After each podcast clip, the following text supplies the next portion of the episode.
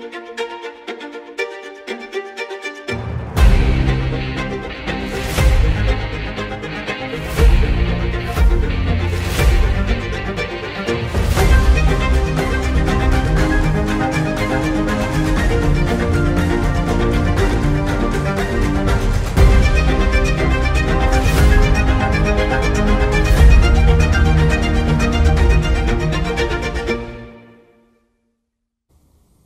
dobry, witamy serdecznie w Ekspresie Frankowiczów, przygotowanym specjalnie dla Was, czyli dla Frankowiczów. Ja nazywam się Zbigniew Urbański, a to jest... Kamil Chwiedosik, witam Państwa serdecznie. Witamy w nowym 2021 roku.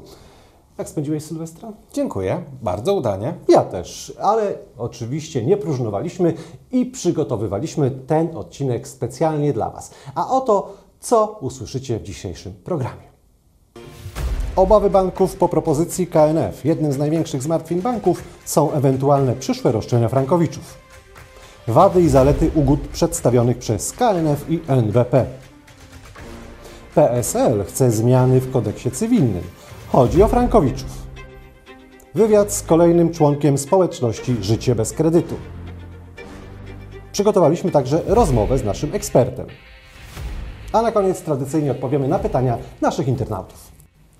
A skoro mamy nowy rok, to tym bardziej zachęcamy do subskrypcji naszego kanału i oczywiście włączenia dzwoneczka, żebyście byli na bieżąco ze sprawami Frankowiczów. A my zaczynamy od przeglądu prasy i internetu. Mówiłeś e, jeszcze w ostatnim odcinku Starego Roku o obawach, o propozycjach KNF-u, jeżeli chodzi o dogadanie się kredytobiorców z bankami. Teraz okazuje się, że banki mają obawy po propozycji KNF. Jakie to obawy? No, na 2021 rok banki mogą mieć wiele obaw. E, Myślę, że przy świątecznych stołach każdy z osób odpowiedzialnych w bankach za e, wyniki, e, które są w tej chwili pomniejszane oczywiście o przegrane z Frankowiczami, musi obawiać się tego, w jaki sposób będzie wyglądała w ogóle konstrukcja finansów banków i nie tylko w tym roku, ale też w przyszłym, bo trzeba pamiętać, że te procesy zainicjowane w tym roku bądź w, w poprzednim będą oczywiście miały skutek w prawomocnym wyroku w ciągu dwóch, trzech lat, no chyba, że banki wcześniej będą chciały podpisać ugodę. Dlatego też moim zdaniem obawy co do, mm, można powiedzieć, jakości dla, z perspektywy frankowiczów e, tych ugód e, mogą być również przekładane na banki, gdyż banki wiedzą w tej chwili już doskonale, że te ugody na pewno nie będą gdzieś po środku, tylko będą one musiały być bardzo korzystne dla frankowiczów, aby oni zrezygnowali z prowadzenia dalej postępowania sądowego, a to się wiąże z ogromnymi kosztami. Jak już wielokrotnie nasi analitycy to wyliczali, są to kwoty ponad 200 miliardów złotych, które e, co prawda może nie jednorazowo, ale jednak wyparują z systemu bankowego, e, jeżeli takiego rodzaju ugody proponowane przez KNF weszłyby w życie. Stąd uważam, że tego, e, tego, takie opcje proponowane przez KNF, czyli po pierwsze przewolutowanie, które jest już niekorzystne dla frankowiczów, gdyż zmienia niższą ratę na ratę wysoką i to jeszcze z WIBORem, który jest statystycznie obecnie najniższe w, w historii, to znaczy, że w przyszłości ta rata na pewno wzrośnie.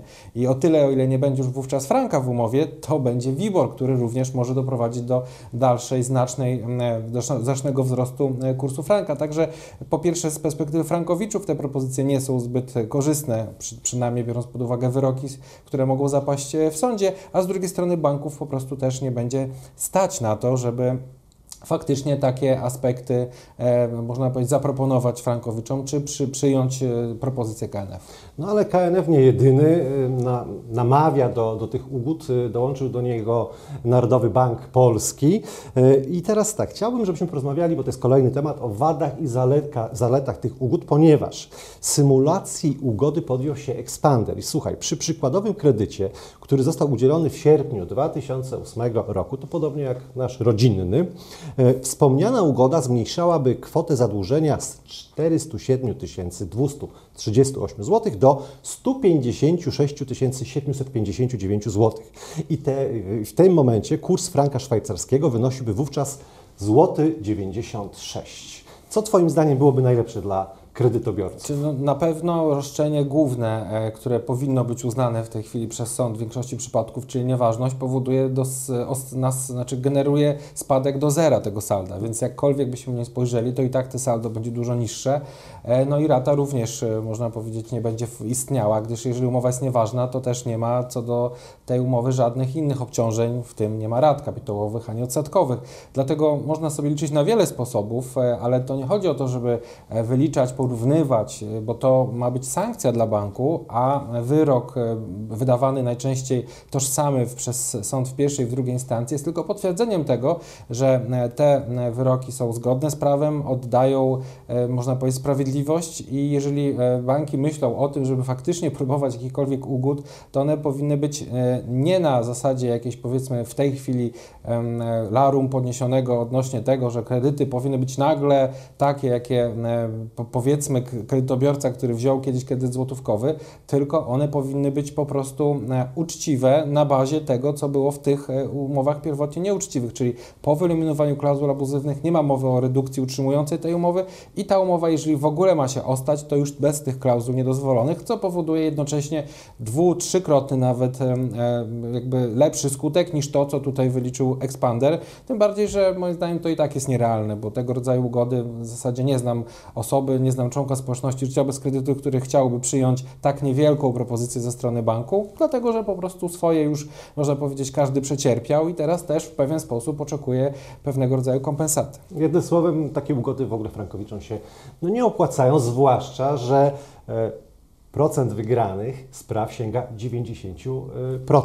Przynajmniej. Tak, no Przynajmniej, no w niektórych przypadkach nawet 100, także tutaj są banki, gdzie nigdy członek społeczności życia bez kredytu nie przegrał w żadnej instancji, więc e, tym bardziej wydaje mi się, że e, jakby akceptowanie ugód, które nie są korzystne z tej perspektywy, no jest zupełnie zbędne i lepiej poczekać już, e, bo wcześniej, później tak banki będą musiały proponować te ugody. Dziś jeszcze na początku 2021 roku może marzą o tym, że coś się wydarzy, ale nie wydarzy się nic. No, te ostatnie ponad 5 lat prowadzenia tych procesów pokazuje, że notorycznie e, rok za rokiem e, sądy e, mają coraz lepsze orzecznictwo dla frankowiczów, co wynika z przepisów prawa, z orzeczeń Sądu Najwyższego, no i oczywiście Trybunału Sprawiedliwości Unii Europejskiej. Przechodzimy do kolejnego tematu.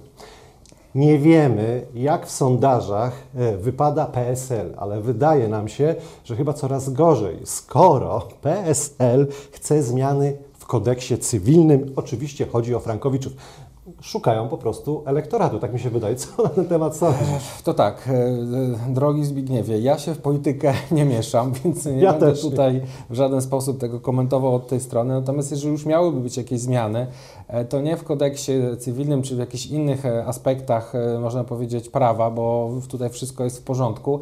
Bardziej, jeżeli już, to proponowałbym zmiany ustawowe względem ustroju sądów w takim rozumieniu, żeby faktycznie była większa przepustowość, tak, żeby żeby sędziowie e, mieli więcej możliwości, większy wachlarz e, kodeksu postępowania cywilnego, który i tak zmienił się bardzo korzystnie w maju zeszłego roku i to spowodowało możliwość przyspieszenia spraw, posiedzenia niejawne, przesłuchania świadków na piśmie, nawet wyroki na posiedzeniach e, niejawnych. Przecież pamiętam jeszcze w grudniu otrzymaliśmy wyrok na warty prawie milion złotych, gdzie w zasadzie sąd wydał go sobie w dowolnym momencie, wysyłając nam go później tylko pocztą. Także takie i to znacznie przyspieszyło proces, bo żeby trzeba było czekać na kolejną rozprawę, no to pewnie dopiero ten wyrok by zapadł za pół roku, a może i później. Natomiast no, nowelizację kodeksu postępowania cywilnego, być może zmiana ustroju sądu w tym zakresie, żeby, nie wiem, zwiększyć, zwiększyć liczbę orzekających sędziów, e, wydłużyć czas pracy sądów, jakkolwiek inaczej, nie wiem, tutaj w to nie będę ingerował, ale to by faktycznie miało wpływ.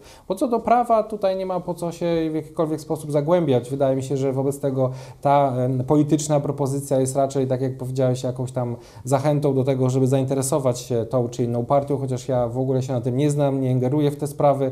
Nas interesuje pomoc Frankowiczom. Ale wydaje mi się, że po tym, co powiedziałeś, to PSL nie przyciągnie do siebie Frankowiczów. I don't care. A przed nami rozmowa z Frankowiczem, członkiem społeczności Życie bez kredytu. Dzisiaj osoba wyjątkowa. Przypomnimy sobie jego historię, ponieważ on już był naszym gościem w ubiegłym roku, ale to można powiedzieć pierwszy Frankowicz, pierwszy zwycięski yy, członek społeczności Życie bez kredytu, czyli pan Mariusz.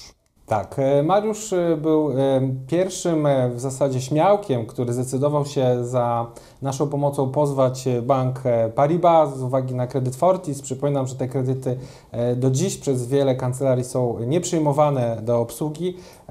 Od tamtego czasu zapadło już wiele wyroków unieważniających umowy Fortisu byłego obecnie Paribas i myślę, że również z perspektywy czasu porozmawiamy z Mariuszem, zapytamy się jak ten moment od prawomocnego wyroku minął, co w zasadzie w jego życiu się zmieniło. Zapraszam do tej bardzo ciekawej e, rozmowy.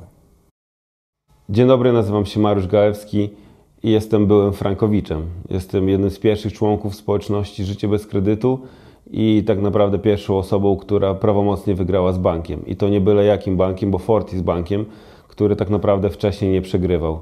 Wiele kancelarii nie chciało brać tych spraw, a dzięki życiu bez kredytu udało się wygrać e, z bankiem i, i pozbyć się kredytu. Wiele osób pyta mnie, jak to jest żyć bez kredytu frankowego. Co mogę odpowiedzieć? Wspaniale. Przede wszystkim e, sama świadomość tego, że, że nie muszę się martwić e, tym, po ile będzie frank, ile będę musiał zapłacić kolejną ratę, ile tak naprawdę wciąż muszę oddać całego kredytu, a trzeba pamiętać, że przez tyle lat spłaty ten kredyt zamiast spadać, on cały czas rósł.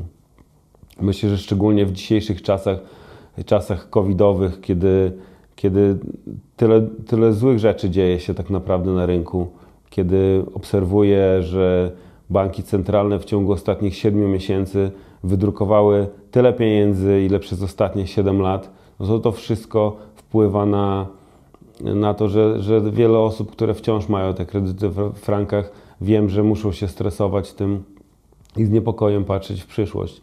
Ja mogę spokojniej patrzeć w przyszłość, wiedząc, że, że mam mieszkanie, nie mam kredytu i nie muszę się martwić e, spłatą kolejnych rat. Także, także bardzo się cieszę i, i, i przede wszystkim cieszę się też, że podjąłem to ryzyko, które, które kilka lat temu naprawdę było sporym ryzykiem. To, kiedy patrzymy teraz, kiedy praktycznie 100% spraw jest wygrywane przez Frankowiczów, jest dużo łatwiej podjąć tą decyzję i wiadomo, że gdybym miał to zrobić, to zrobiłbym to jeszcze raz, bo już wygrałem, ale wtedy, kiedy podejmowałem decyzję, nie było jeszcze prawomocnych wygranych, więc to ryzyko było dużo, dużo większe.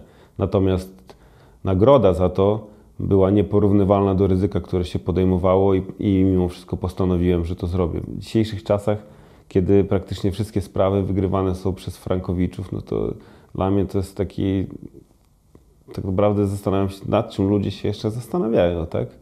Przecież to jest praktycznie 100% szans na to, że wygrają z bankiem, że pozbędą się tego jarzma kredytu, tej, tej niepewności, tych, tych stresów, że będą mieli mieszkanie, nie będą mieli kredytu, a jeszcze jeśli będą mieli odrobinę szczęścia, to zgodnie z wygraną według teorii dwóch kondycji dostaną wszystko, co zapłacili przez 10 lat. Czasami są to dziesiątki, czasami są to setki, a dla niektórych to i nawet i miliony złotych. Także jeśli miałbym kogoś zachęcać, no to zdecydowanie warto próbować, warto się starać, bo, bo ryzyko jest niewielkie, a ryzyko związane z niepewnością, z tym, co się dzieje na świecie, jest bardzo duże. Dlatego, dlatego jeśli, jeśli ktoś się wciąż waha, to, to, to szczerze zachęcam, bo naprawdę warto podjąć to ryzyko.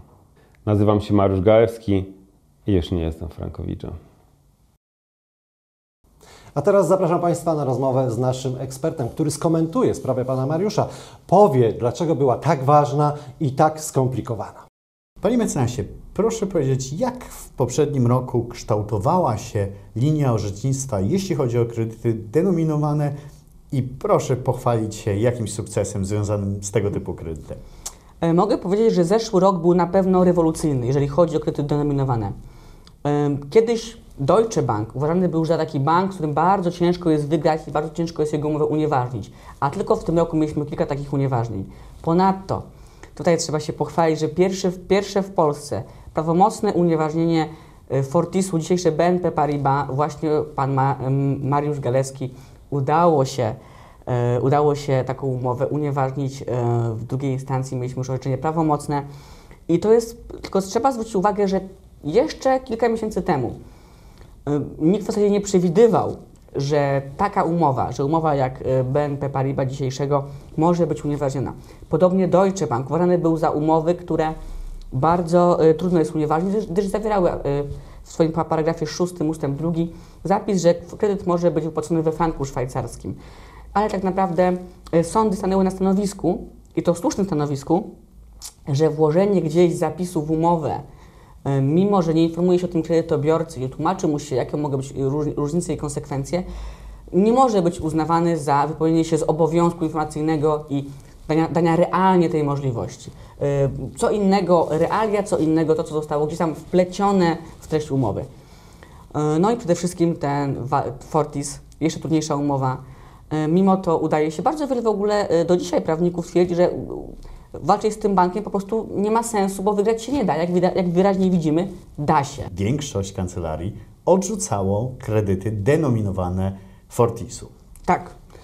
Nawet do dzisiaj niektóre te, wciąż odrzucają, no ale jest to po prostu kwestia praktyki, jest to kwestia odpowiednich argumentów i nawet jak już no wiemy, mamy na to twarde dowody, taką umowę również można unieważnić. Proszę Państwa, jak pokazuje przykład członka naszej społeczności Życie bez kredytu Mariusza Galeskiego, można wygrać nawet e, z tak e, trudnym bankiem jak Deutsche Bank czy Fortis, e, obierając odpowiednią strategię. Panie mecenasie, bardzo dziękuję za dzisiejszą rozmowę. Dziękuję bardzo, dziękuję Państwu. Trzeba przyznać, że rzeczywiście sprawa była skomplikowana, wyjątkowa. No i wy żeście żyli, cały, całe, cała kancelaria, w zasadzie cała społeczność żyła właśnie tą sprawą. Dlaczego? Tak, była to przełomowa sprawa. E, Wiadomo, że e, nasze przeświadczenie co do prawidłowości roszczeń i tego, że ta umowa jest nieważna, była, e, były bardzo duże. Natomiast oczywiście tak długo, jak nie ma wyroku prawomocnego, cały czas jest ryzyko. Tak? Tutaj w tym przypadku, jak i we wszystkich innych sprawach, które prowadziliśmy, kredytów denominowanych, czyli tutaj Fortis, e, Deutsche Bank, e, PKO i, i tak dalej, i tak dalej, faktycznie okazuje się, że te umowy są po prostu nieważne. Głównym za, za, zakresem, jakby, który wskazuje sąd na nieważność jest kształtowanie świa- świadczenia w sposób jednostronny przez bank, przez przedsiębiorcę, a drugim z nich jest brak esencjali negoti, czyli kwoty kredytu, co e, nie spełnia wymogów artykułu 69 prawa bankowego.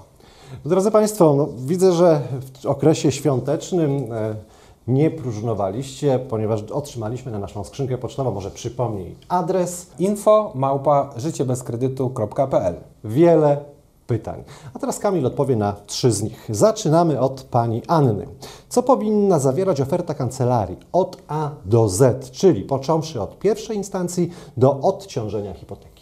E, No tutaj można wymieniać i wymieniać. W szczególności chodzi o to, żeby całe postępowanie e, pokrywało właśnie się z tym, co wynika później z e, egzekucji wyroku prawomocnego, czyli chodzi o to, żeby zakres obsługi danego frankowicza zawierał zarówno przygotowanie pozwu, przygotowanie się nawet do pozwów, czyli przygotowanie całej dokumentacji, analiz, które są bardzo istotne, czyli udowodnienia roszczenia co do wysokości, prowadzenia tego postępowania, oczywiście w sposób dynamiczny, czyli taki, żeby uwzględniać wszystko, co się dzieje w tym postępowaniu, rozszerzać kwoty o dalsze spłaty od dnia złożenia pozwu, czy też ewentualnie bi- biorąc pod uwagę już e, drugą instancję prowadzenia sprawy w drugiej instancji, prowadzenia później egzekucji, czyli po prawomocnym wyroku, albo e, egzekucji samych środków pieniężnych, albo dodatkowo również wykreślenia banku z hipoteki, czyli na nowo ustalenia treści księgi wieczystej, tak jak to zrobiła Twoja żona. Tak jest, moja żona. Ale przechodzimy do pani Oli, bo moja to Katarzyna. Pani Ola pyta, ile średnio rozpraw odbywa się w pierwszej i drugiej instancji do ogłoszenia wyroku?